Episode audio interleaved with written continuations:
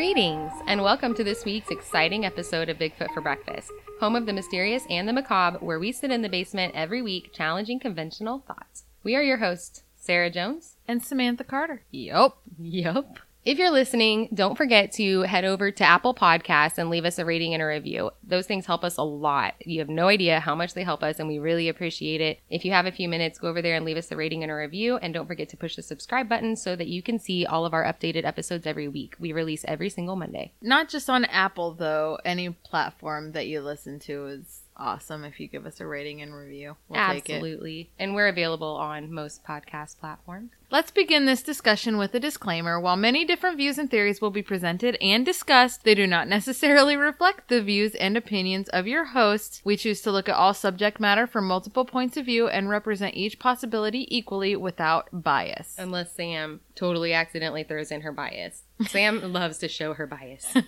your bias is showing. Keep your bias under control. That being said, the subject of religion is a very sensitive one, but I encourage everyone to keep an open mind while exploring the possibilities and beliefs of others. Leaning a bit towards the controversial today, we're going to explore the ancient practice of the exorcism. Dun, dun, dun. But wait, there's more. Because you can't explore the subject of exorcism without exploring the existence of heaven and hell, and the possibility of life after death. Can you? Once Can a- you? Can you? Can you? Once again, we try to represent all sides equally. Not all statements reflect our own opinions, but these arguments do exist, so be fair in your judgments. Hey, do you like politics, conspiracy, current events, and just plain whimsical nonsense? These topics and more can be found on the Question Everything Guys podcast. a weekly episode podcast available on iTunes, Spotify, Spreaker, Stitcher, Google Podcast, and various other podcast hosting platforms. No topic is ever too serious. None of the jokes are politically correct, and all of the questions come with minimal answers. Huh? What? Come join your host, Lanny B, Sean, The Mick on, on the Question Everything Guys podcast. That's going. I'm going to go out my favorite quote as it applies beautifully to this episode. There is something pagan in me that I cannot shake off. In short, I deny nothing and question everything. Lord Byron. So with that, let's lead off with another quote from Merriam-Webster. You're just full of quotes today. Exorcism is defined as the act of driving out or warding off demons or evil spirits from persons, places, or things which are believed to be possessed or infested by them or are liable to become victims or instruments of their malice. Demonology is the study of demons or beliefs about demons, especially the methods used to summon and control them. There's been evidence indicating the practice of exorcism from very early in recorded history. Accounts from ancient Persia dating back to around 600 BC offer evidence of exorcism using prayer, ritual, and holy water by their religious leader Zoroaster, who was considered to be the first magician and who founded the religion Zoroastrianism. Fun fact Zoroastrianism is a religion followed by the legendary Farouk Bulsara, also known as Freddie, Mercury. In ancient Mesopotamia, illness was believed to be the work of spirits entering and attaching to a person's body. The use of incantations and prayers to the gods, as well as direct challenges to demons, are indicated in Assyrian tablets. Demons were believed to inflict every type of disease, both physical and psychological. Ancient Babylonian priests performed rituals by destroying clay or wax images of a demon, according to an article for Ancient Origins written by researcher Joanna Gillen. Gillen? Gillen? Gillen. Gillen. Is it fancy? No, Gillen. it's Gillen. What's that got to do with What's that got to do with the price of tea in China? when in Rome. Oh yeah, back then you couldn't go to the emergency room and demand amoxicillin for your demon like you do for your virus. Sorry. Tell Joanna Gillen we want no amoxicillin. what? That was that was good. was Did you just come up with that on your own? Why am I like this? I love that. okay. In ancient Hindu texts, the Vedas, which were composed around 1000 BC, make reference toward evil beings that interfere in the work of Hindu gods, and there are many references to Jesus performing exorcisms. In one story, well known in Christianity, Jesus encountered a madman and commanded that the foul spirits leave him. The spirits then entered into a herd of pigs, which ran over a cliff and drowned in the waters below. I bet that was a sight to see. So, although we would typically associate the practice with the Catholic Church, okay. That's heat. that's my kitten sneeze.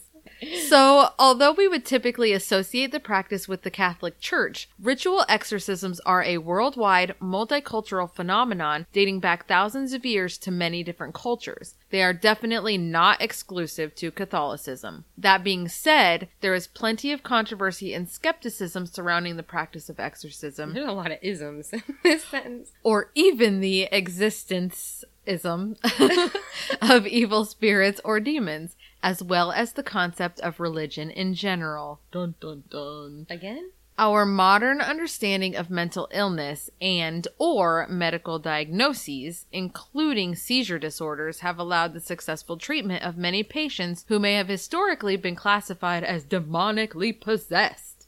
There are Oh. it flew away and it was happy. I try not to make assumptions about the mental state of the flies. oh, it made me happy, I guess. There are, however, many accounts of demonic possession that would not necessarily fit within the confines of a standard medical diagnosis. These are the cases that we want to explore. In early January 1949, a 13 year old boy believed to be named Ronald, but most commonly referred to pseudonymously. Pseudonymously?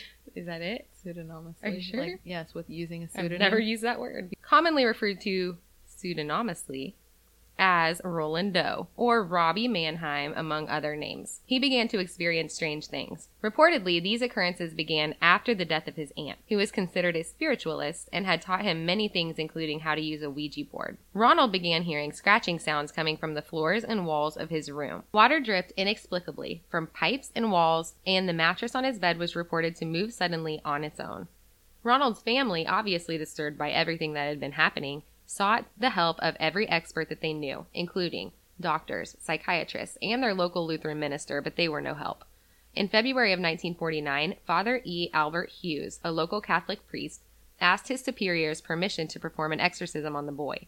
However, Hughes stopped the rite when Ronald broke off a piece of the spring from the mattress that he'd been strapped down to and slashed the priest across the shoulders.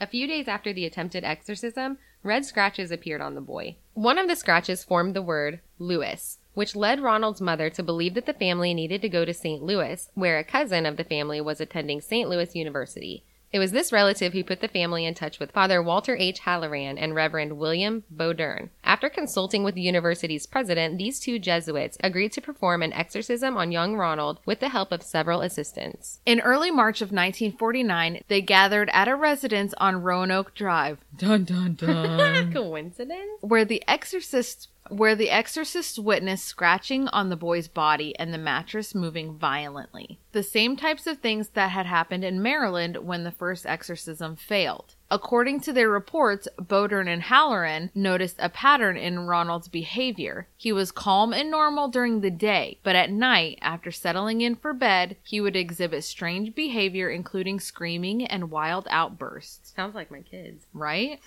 These reports noted that the boy would enter a trance like state, making sounds in a growly voice. The priest supposedly also saw mys- mysteriously flying objects in the boy's presence and noted that he would react violently when they presented any sacred objects. Bowdern reports that he saw an X appear in scratches on Ronald's chest, which the priest believed signified the number 10. He also recalled that a pitchfork shaped pattern of red lines moved from the boy's thigh and snaked down towards his ankle in a separate incident.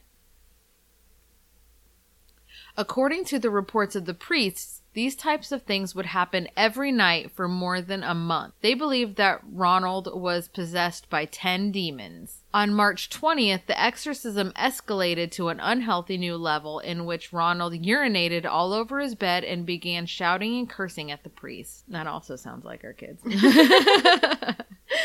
Sorry. It was at this point that Ronald's parents had had enough. He was taken to the Alexian Brothers Hospital in St. Louis for more serious treatment, where on April 18th, a miracle occurred in Ronald's room. On that day, he awoke with seizures, yelling at the priest that Satan would always be with him. Holy relics, crucifixes, medals, and rosaries were placed on and around the boy. It was at 10:45 p.m. that the attending priest called on Saint Michael to expel Satan from Ronald's body. Had they not tried that yet? That's what I was just thinking. I'm like, wasn't that like, Like- step one? Step one, you call on a say. What anyway, is that? that's like '90s R&B, baby. I missed it. Um, I don't know what you had going on in the 90s, but it was rough on me. It was hard to hear. tell me why. That's what I'm saying. ah, Sam. Y'all gonna make me lose my mind. They shouted at Satan, saying that St. Michael would battle him for Ronald's soul. Seven minutes later, Ronald came out of his trance and simply said, He's gone. That's it. Shrug. I don't believe you. The boy described a vision of St. Michael vanquishing Satan on a great battlefield. There were no more documented instances of strange occurrences or behavior after that, and Ronald went on to live a completely normal life. Ronald's story was, of course, one of the inspirations for the 1970s film The Exorcist. No pea soup here, sir. Gross. And is pea soup really soup just just made out of peas and mashed up peas? I think so. Is there more to it? Well, I'm sure there's like a cream base, maybe. I don't know. There's got to be more. There's gotta be more to it. There's got to be. There's gotta be more. Why? I've, I've thought way too much about contents of pea soup. I should probably just look it up. Just get a recipe. Yeah. Hop on the Pinterest. Sounds sounds like a real soccer mom over here. I get all my recipes on Pinterest. I do too. God.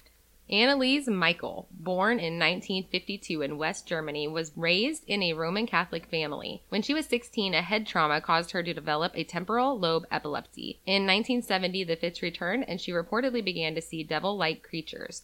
Her condition was initially regulated by medications, but as more epileptic fits followed, she was diagnosed with other mental issues. Anneliese attempted suicide in 1973 and developed an aversion to religious artifacts. Anneliese herself claimed to be possessed and wanted to be cured, but her parents decided that employing an exorcist was not going to solve her problem. Secretly, she met with two priests who arranged for exorcism rites to be conducted. In the meantime, she stopped taking her epilepsy meds. After 10 months and over 70 sessions, some of which were even recorded, Anneliese passed away. The cause of death was starvation. Both of the priests who organized the rites in secrecy and her parents were charged with negligent homicide. To be fair, Yeah, it sounds sketchy. right? My question is was she even old enough to do it behind her parents' back? Do these priests check IDs? How old was Anneliese? I don't know. It didn't say when she was born. Wow. Wow. Wow. Wow. The story of Anne Ecklund and her alleged demonic possession starts in 1912 and continues for several decades. According to rumors, Anne's father and aunt cursed her with the help of Satan, causing the 14 year old girl to act strangely without explanation. Did I say strangely?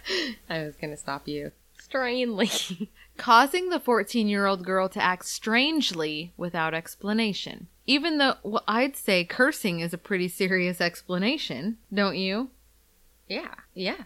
even though her first exorcism seemed to have worked, according to the nuns and priests of a convent in Earling, Iowa. Da, da, da. Shout out Iowa, I guess, Yep. because it's an exorcism. That does not make us sound good. No. There are a few things that do. We have the Field of Dreams. We have corn. We have magic corn. Field of dream, bitches. That's right, magic corn. Even though the girl's apparent recovery was just the calm before the storm. In 1928, three further sessions were conducted in the convent, with the girl reportedly resisting with supernatural strength against the efforts to relieve her from the demons. The nuns reported her hissing, throwing food that had been blessed, speaking in foreign tongues, and even levitating at one point. Cited as the most documented case of exorcism ever, this case was also a major influence in the movie The Exorcist. I didn't see any anything about the other ones levitating. Anne Ecklund. No. She was the only one. Yeah. Total overachiever. Right. So, to tackle this subject from another angle, I want to share this article written by Mark Oliver about the 1590s exorcism of Martha Brassier. So, Homegirl was a celebrity in France, circa 1590s, who was quote unquote possessed by demons. Her neighbor was said to have cursed her and was blamed for witchcraft. She was an unmarried middle aged woman. By the standards of the time, the trademark profile of a witch. And whatever complaint Brassier put against her was convincing enough that Chevreau was thrown into jail. Her lovely family took advantage of her plight, dragging the 20 year old from town to town, rolling in the crowd, and charging admissions to see a demon show. It was a thrilling show. The act consisted of Martha's eyes rolling back into her head. She would convulse on the ground as a deep demonic voice erupted within her from her stomach and brandishing a lashing snake like tongue. That was very Hannibal Lecter. I like it. Drinking wine and eating chicken. King Henry IV himself ordered her exorcism after hearing about the spectacle. He had some of the highest priests in the country gather around her, sprinkling her with holy water and reciting scriptures in Latin, causing her demons to scream out in agony and pain. So, for the first time in history, using scientific methods, her demonic possession was systematically put to the test, a test that she failed. The voice that spoke through her belly, even while her mouth was closed, called itself Beelzebub, and it called itself the Prince of the Huguenots which the church tried to use to vilify the Huguenots at the time when the king was attempting to foster peace. So Michael Marescott, personal physician to King Henry, was given the task of exposing her. The girl was summoned to the abbey to be exorcised by the Bishop of Paris, under the scrutinizing eye of the king's physician. No sooner did she and the bishop kneel to pray, the demon took hold of her. She fell onto her back, convulsing and breathing like a wild animal. Her eyes rolled back, tongue flared out, and a dark, gravelly voice from her stomach shouted vulgar words. The priest put a piece of wood in her mouth to keep her from swallowing her own tongue. Then they gathered around her, holding a piece of Jesus Christ's true cross, and reading holy scriptures to cast out the demon. When she saw the true cross, she began to writhe in pain on the floor, a dark voice within her screaming out blasphemies and death threats. Marescott revealed that he had switched the priest's tools. The piece of the true cross they had just used, he explained, was nothing more than an ordinary piece of wood. The real true cross was in her mouth, being used as a tongue depressor, and she hadn't reacted to it at all. The priests still weren't convinced. They had seen her do unnatural, inhuman things, not just the strange voice that spoke when her mouth wasn't moving, but while laying on her back, she had leapt up into the air and flown back farther than most men could jump standing up. Girl's got talent. hmm So, to carry on with the experiment, the Archbishop of Lyon, Charles Miron, made a few more suggestions that would put this demon to the test. They began secretly serving her nothing but holy water to drink, and then filled the holy water vessel with ordinary water and sprinkled it on her, screaming in agony. She had not, however, reacted at all to the drinking holy water for almost a week. Every part of Miron's scheme worked. When they held up a piece of iron and pretended it was from Jesus Christ's true cross, Brasier broke into convulsions. When he read her Virgil's Aeneid in Latin, pretending it was the Bible, she threw herself onto the ground. This was enough to convince the priests of her fraudulence. For the first time in recorded history, a demonic possession had been disproven through a controlled experiment. But what does this mean? In regards of the hundreds of thousands of reported demon possessions and exorcisms throughout history dating back to the Bible or before. The Vatican first issued official guidelines on exorcism in 1614. Those guidelines were then revised around 1999. So let's repeat that. From 1614 to 1999, 1999. we're gonna party like it's 1999. yep. Anyway, Yep. the guidelines for dealing with a demonic possession did not change. According to the U.S. Conference of Catholic Bishops, signs of demonic possession include superhuman strength, aversions to holy water, and the ability to speak in unknown languages, as well as spitting, cursing, and excessive masturbation. Which brings us to our next point. Historically, demonic possession constituted an explanation for an erratic behavior in society. Exorcism was the treatment generally applied to victims of supposed possessions and seems to have caused some alleviation in the suffering of mentally distressed people. So we went from exorcisms and then we went into like trans Allegheny style ice pick lobotomies, right? And now we just basically operate on pure neglect. The descriptions of those in need of exorcisms include traits of psychotic mood, neurotic personality disorders, and epilepsy. Not to mention those who just choose not to conform to the behavioral standards of a historically puritanical society. I kind of feel like I don't blame them. Yeah.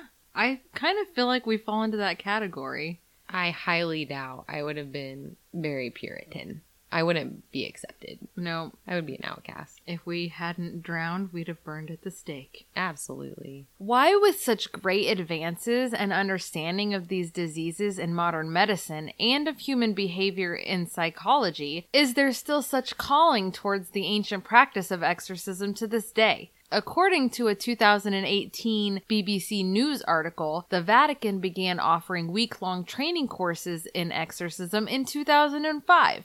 At the time of the publication of the article in April of 2018, over 250 priests from 50 different countries had gone to the Vatican to take this course. Apparently, Catholic priests worldwide are reporting increasing numbers of people reporting signs of demonic possession. In 2017, Pope Francis was quoting advising that priests must not hesitate to refer parishioners to exorcists if they suffer from genuine spiritual disturbances. In 1999, the Catholic Church updated the rules on the performance of exorcisms for the first time since 1614, and this update distinguished between demonic possession and physical or psychological illness.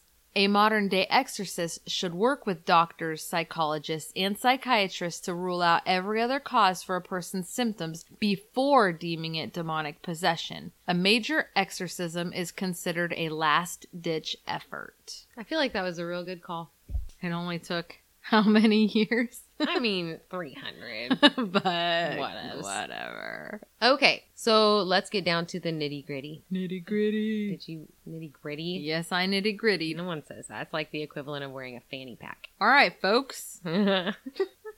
what actually happens during an exorcism? So, I found a website, www.catholic.org. You don't say. that was kind of obvi. Which details the rite of exorcism. It's on the internet. How to exorcise a demon. Yup. I feel like that would be like a secret protocol. Something that they would hunt on National Treasure. Something that Nicolas Cage. It's invisible. Did Bigfoot take it? what? Bigfoot took it? And I said the map was invisible, and Dr. Chase says, Did Bigfoot take it? No, the pipe. They don't have the pipe. I'm gonna steal the Declaration of Independence. We're all going to steal the Declaration of Independence. That should be our. What's it called? mantra. No. Like another word for slogan. Mantra. Our tagline. I don't know. It's not the word that I'm looking for, but whatever. trademark. No, it's not it. Sorry, I'm not good with finding pseudonymously good words. It wouldn't be pseudonymously. It's a good. pseudonym. It's not. We're looking for a pseudonym. and we're looking for. We're looking for a We're looking for a synonym. synonym. Synonym. A synonymously good word. I'm not cutting that. Yeah. You're Yeah. grammatically incorrect. I am and it's grammatically. staying. Well, for the record, Stick a fork in you because you are done. To crudely summarize, the priest will call on saints, read Bible passages, pray, and ask the demon to depart. It sounds innocent enough, but there's a reason the practice is so widely scrutinized. It's because people die. people die. While no two exorcisms are exactly alike, they typically follow a staged format. Number one, the presence. The exorcist and his assistants become aware of an alien feeling or entity. I'm not saying it's aliens. I was just gonna say the same thing. Like I went to go say it, and you said it. hilarious. We think so much. Great minds. Number two is the pretense, which is attempts by the evil spirit to appear and act as the victim, to be seen as that person. The exorcist's first job is to break this pretense to find out who the demon really is, because naming the demon is the most important first step. The break point, or the moment in which the demon's pretense finally collapses, a scene of extreme panic and confusion, accompanied by a crescendo of abuse, horrible sights, noises, and smells.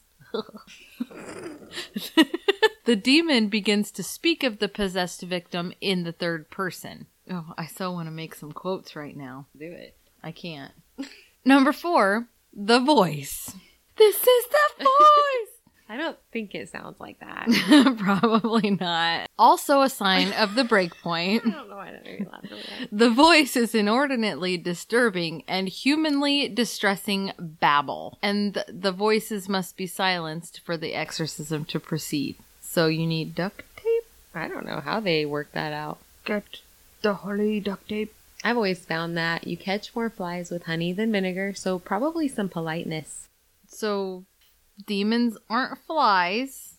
The clash. As the voice dies out, there is a tremendous pressure both spiritual and physical. The demon has collided with the will of the kingdom. The exorcist, locked in battle with the demon, urges the entity to reveal more information about itself as the exorcist's holy will begins to dominate. As mentioned above, there is a direct link between the entity and place, as each spirit wants a place to be. For such spirits, habitation of a living victim is preferable to hell.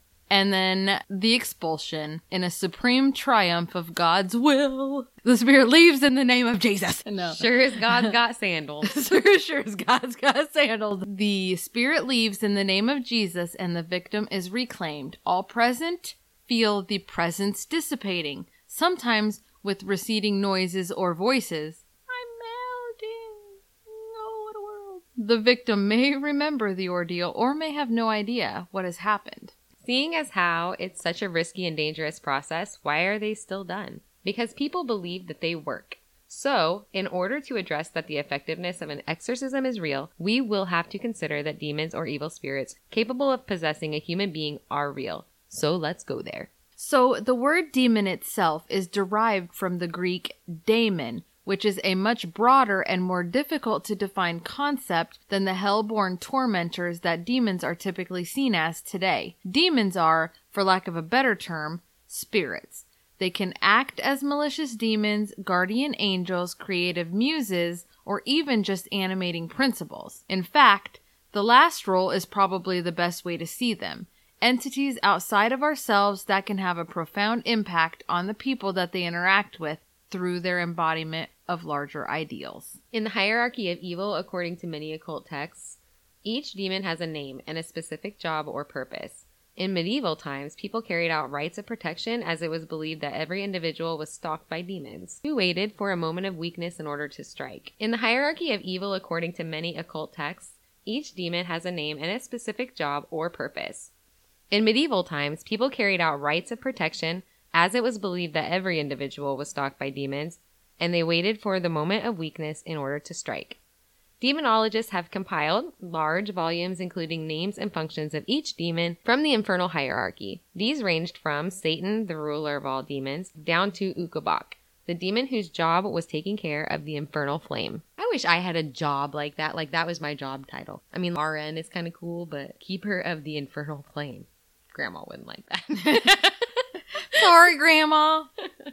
she would be upset. It has been argued that demons are fallen angels. An opposing view takes the stance that it is the spirits of wicked dead men that enter into men that are alive, and unless they can obtain some help to fight these spirits, they are killed by them. I want to bring up an interesting article I found in the Washington Post, dated 2016, weighted. Yeah, I throwed up. what? you got a purty mouth. Written by Richard Gallagher, who is a board certified psychiatrist and was at the time a professor of clinical psychiatry at the New York Medical College. I'm unsure if he is or isn't still. So, in the article, he discusses at length his experiences with possessed individuals as a clinician. I'm going to direct quote here I believe I've seen the real thing. Assaults upon individuals are classified either as demonic possessions or as the slightly more common but less intense attacks usually called oppressions. A possessed individual may suddenly, in a type of trance, voice statements of astonishing venom and a contempt for religion, while understanding and speaking various foreign languages previously unknown to them. The subject might also exhibit enormous strength or even the extraordinarily rare phenomenon of levitation. I have not witnessed a levitation myself, but a half a dozen people I work with vow that they have seen it in the course of their exorcism. He or she might demonstrate hidden knowledge of all sorts of things like how a stranger's loved ones died, what secret sins she has committed, or even where people are at a given moment. These are skills that cannot be explained except by special psychic or preternatural ability. I have personally encountered these rationally inexplicable features along with other paranormal phenomena. Unquote. End quote. So, how do we separate the real from the fake?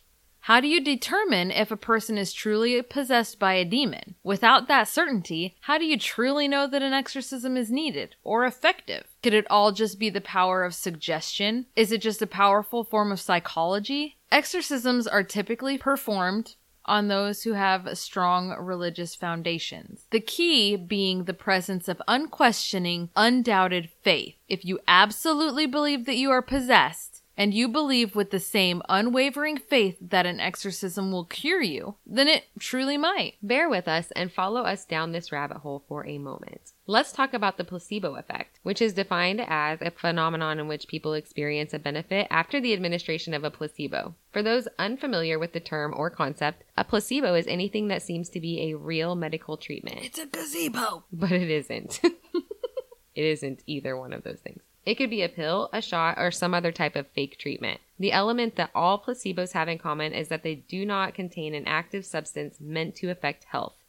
The response to this treatment either can be positive or negative. For instance, the person's symptoms may improve, or the person may have what appears to be side effects from the treatment. Studies have shown placebos affecting conditions like depression, pain, sleep disorders, irritable bowel syndrome, and even menopause. Research on the placebo effect has focused on the relationship of mind and body. One of the most common theories is that the placebo effect is due to a person's expectations. If a person expects a pill to do something, then it's possible that the body's own chemistry can cause similar effects to what the medication might have caused. It sounds a lot like the faith theory, right? The same theory can be applied to other holistic treatments as well. Experts say that there may be a relationship between how strongly a person expects to have results and whether or not results occur. The stronger the feeling, the more likely it is that a person will experience positive effects. Also, there may be a profound effect depending on the interaction between a patient and a healthcare provider. Compare the type of relationship a typical person has with their doctor and compare it to the bond or relationship that a person has with their priest. There is a strong likelihood that a person feels a much deeper emotional bond to the person who cares for their soul than they do with the one who looks out for their body especially among those who embrace the concept of an eternal life beyond this one. Not unlike other treatments in modern medicine, exorcism can bear some very unpleasant and adverse effects. The most serious of which being death. If you read the label on almost any prescription or OTC, almost. Mom- Momoa. Momoa. Let's all take a moment to appreciate Jason Momoa. okay. We can move on now. That's enough moment. Or using over the counter medicines to compare to the ratio of demonics who die versus the number of those treated successfully by exorcism. As I suspect, many go underreported and the cause of death is not listed as such. I would imagine that there are comparable losses in both areas. If we want to be honest, I suppose the inherent risk of death is looming constantly over all of those who suffer the human condition. This, of course, creates the need for mortal beings to look beyond their existence and hope for bigger purpose than our short stint on Earth. So let's take a side for a moment. If we're going to go so far as to say that the effectiveness of an exorcism proves the existence of demons, the existence of demons proves the existence of hell, and the existence of evil proves the existence of good, which would in turn prove the existence of heaven and angels and possibly God, we would have to accept the certainty of life after death, which takes us further down the rabbit hole. I love the rabbit hole, though. I'll I'll run down Let's that sucker all day. Along the same lines as exorcisms and stories of demonic possession, throughout the ages, scattered throughout different cultures, you can find stories of afterlife encounters or near death experiences from those who have died and been revived. As someone who has personally beheld the miracle of a person being brought back to life after being dead, this concept absolutely fascinates me. Many of those who describe these near death experiences or NDEs describe the out of body experiences, looking at either themselves or their families from above as a non corporeal form. Some describe watching their resuscitation from the outside. Some can tell their families what they were doing in the waiting room while they themselves were in the OR. There have been tons of different stories describing these experiences. Different people, different times, different places, different mechanisms of injury, different cultures. During the First World War, Ernest Hemingway had a near death experience, which he referenced in a letter written to his family dated October 18th of 1918. At a later date, he also described the experience to a friend. The story was as followed. A big Austrian trench mortar bomb, of the type that used to be called ash cans, exploded in the darkness. I died then. I felt my soul or something coming right out of my body, like you'd pull a silk handkerchief out of a pocket by a corner. It flew around and then came back and went in again, and I wasn't dead anymore. And in true Hemingway fashion, his letter home also included this gem. All the heroes are dead, and the real heroes are the parents. Dying is a very simple thing. I've looked at death, and really I know. In 1944, Carl Jung, who thought and wrote often about death, had a near death experience himself. The following is an excerpt about his experience from Jung's autobiography Memories, Dreams. The beginning of 1944, I broke my foot, and this misadventure was followed by a heart attack. In a state of unconsciousness, I experienced deliriums and visions which must have begun when I hung on the edge of death and was being given oxygen and camphor injections. The images were so tremendous that I myself concluded that I was close to death. My nurse afterwards told me it was as if you were surrounded by a bright glow. That was a phenomenon she had sometimes observed in the dying. She added, I had reached the outermost limit, and I don't know whether I was in a dream or in ecstasy. At any rate, extremely strange things began to happen to me. It seemed to me that I was high up in space.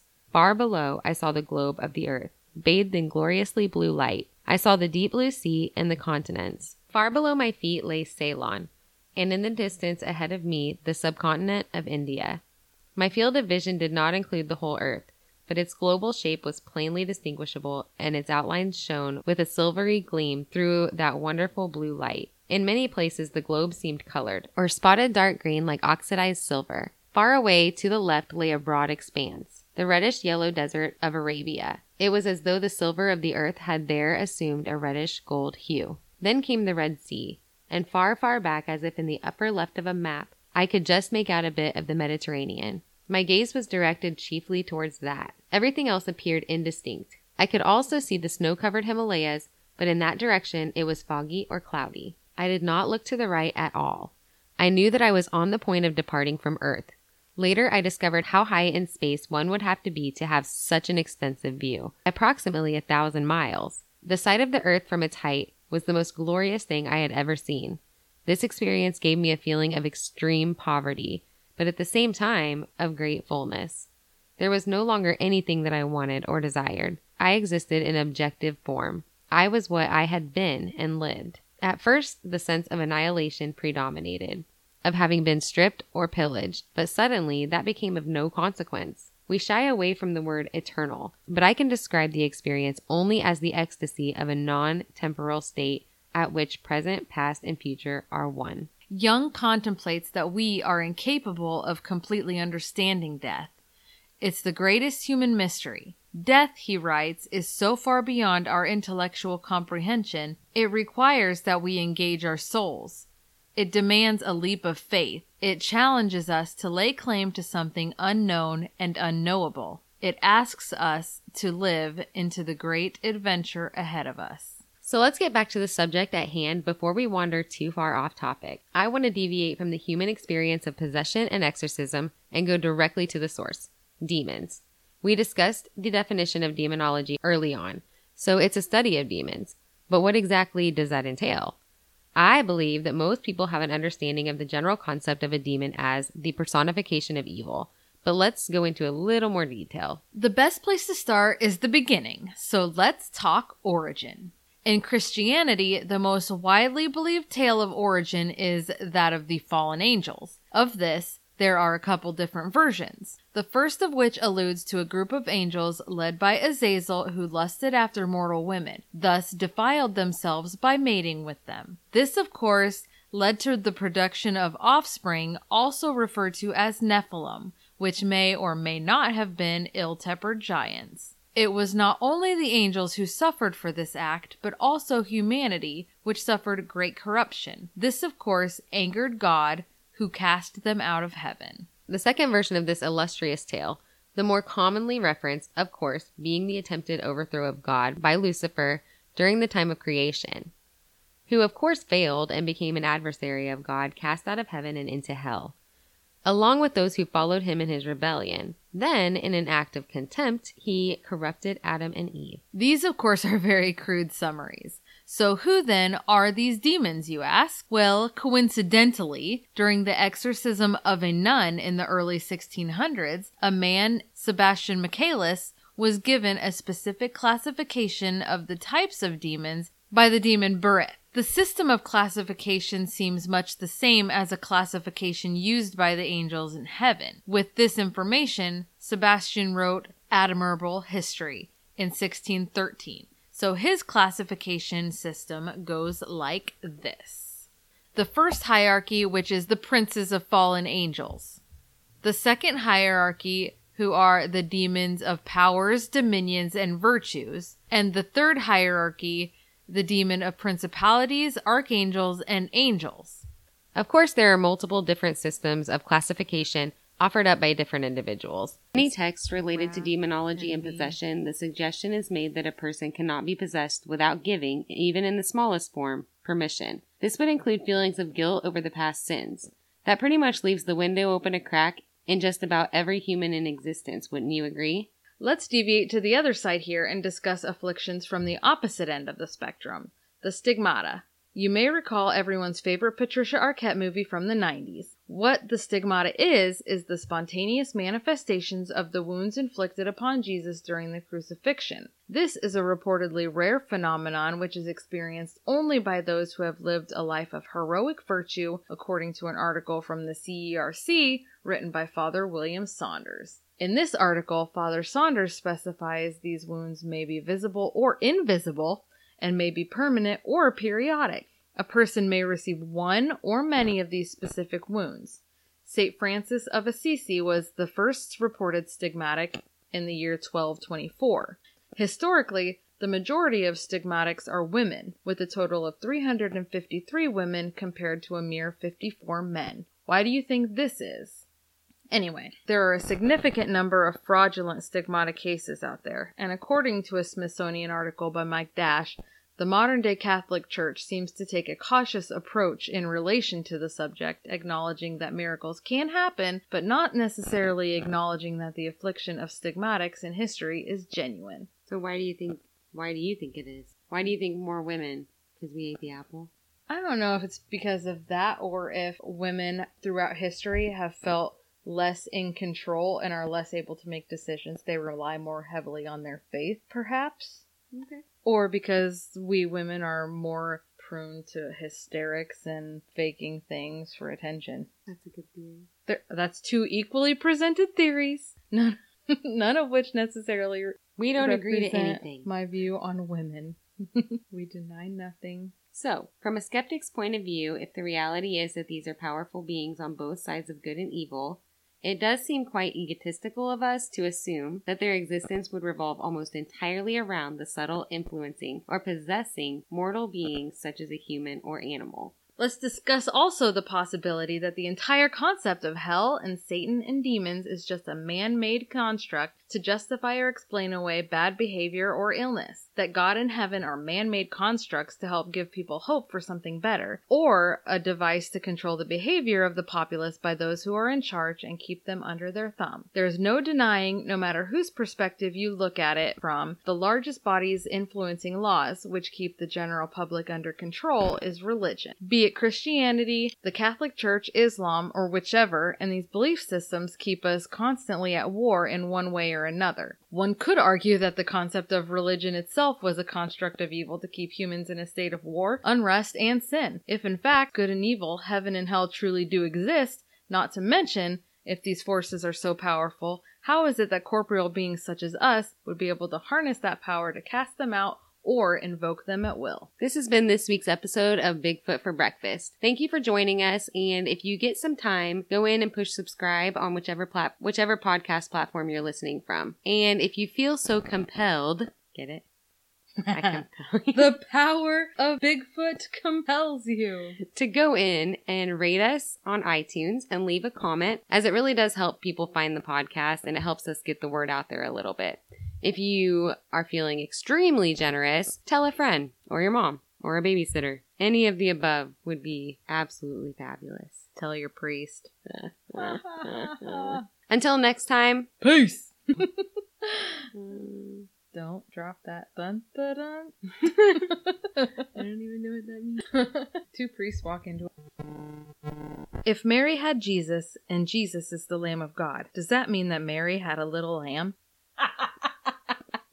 A nun and a priest were crossing the Sahara Desert on a camel. On the third day out, the camel suddenly dropped dead without warning. After dusting themselves off, the nun and the priest surveyed their situation. After a long period of silence, the priest spoke. Well, sister, this looks pretty grim. I know, father. In fact, I don't think that we can likely survive more than a day or two. Sister, since we are likely. Never mind. Abort. Abort. Abort.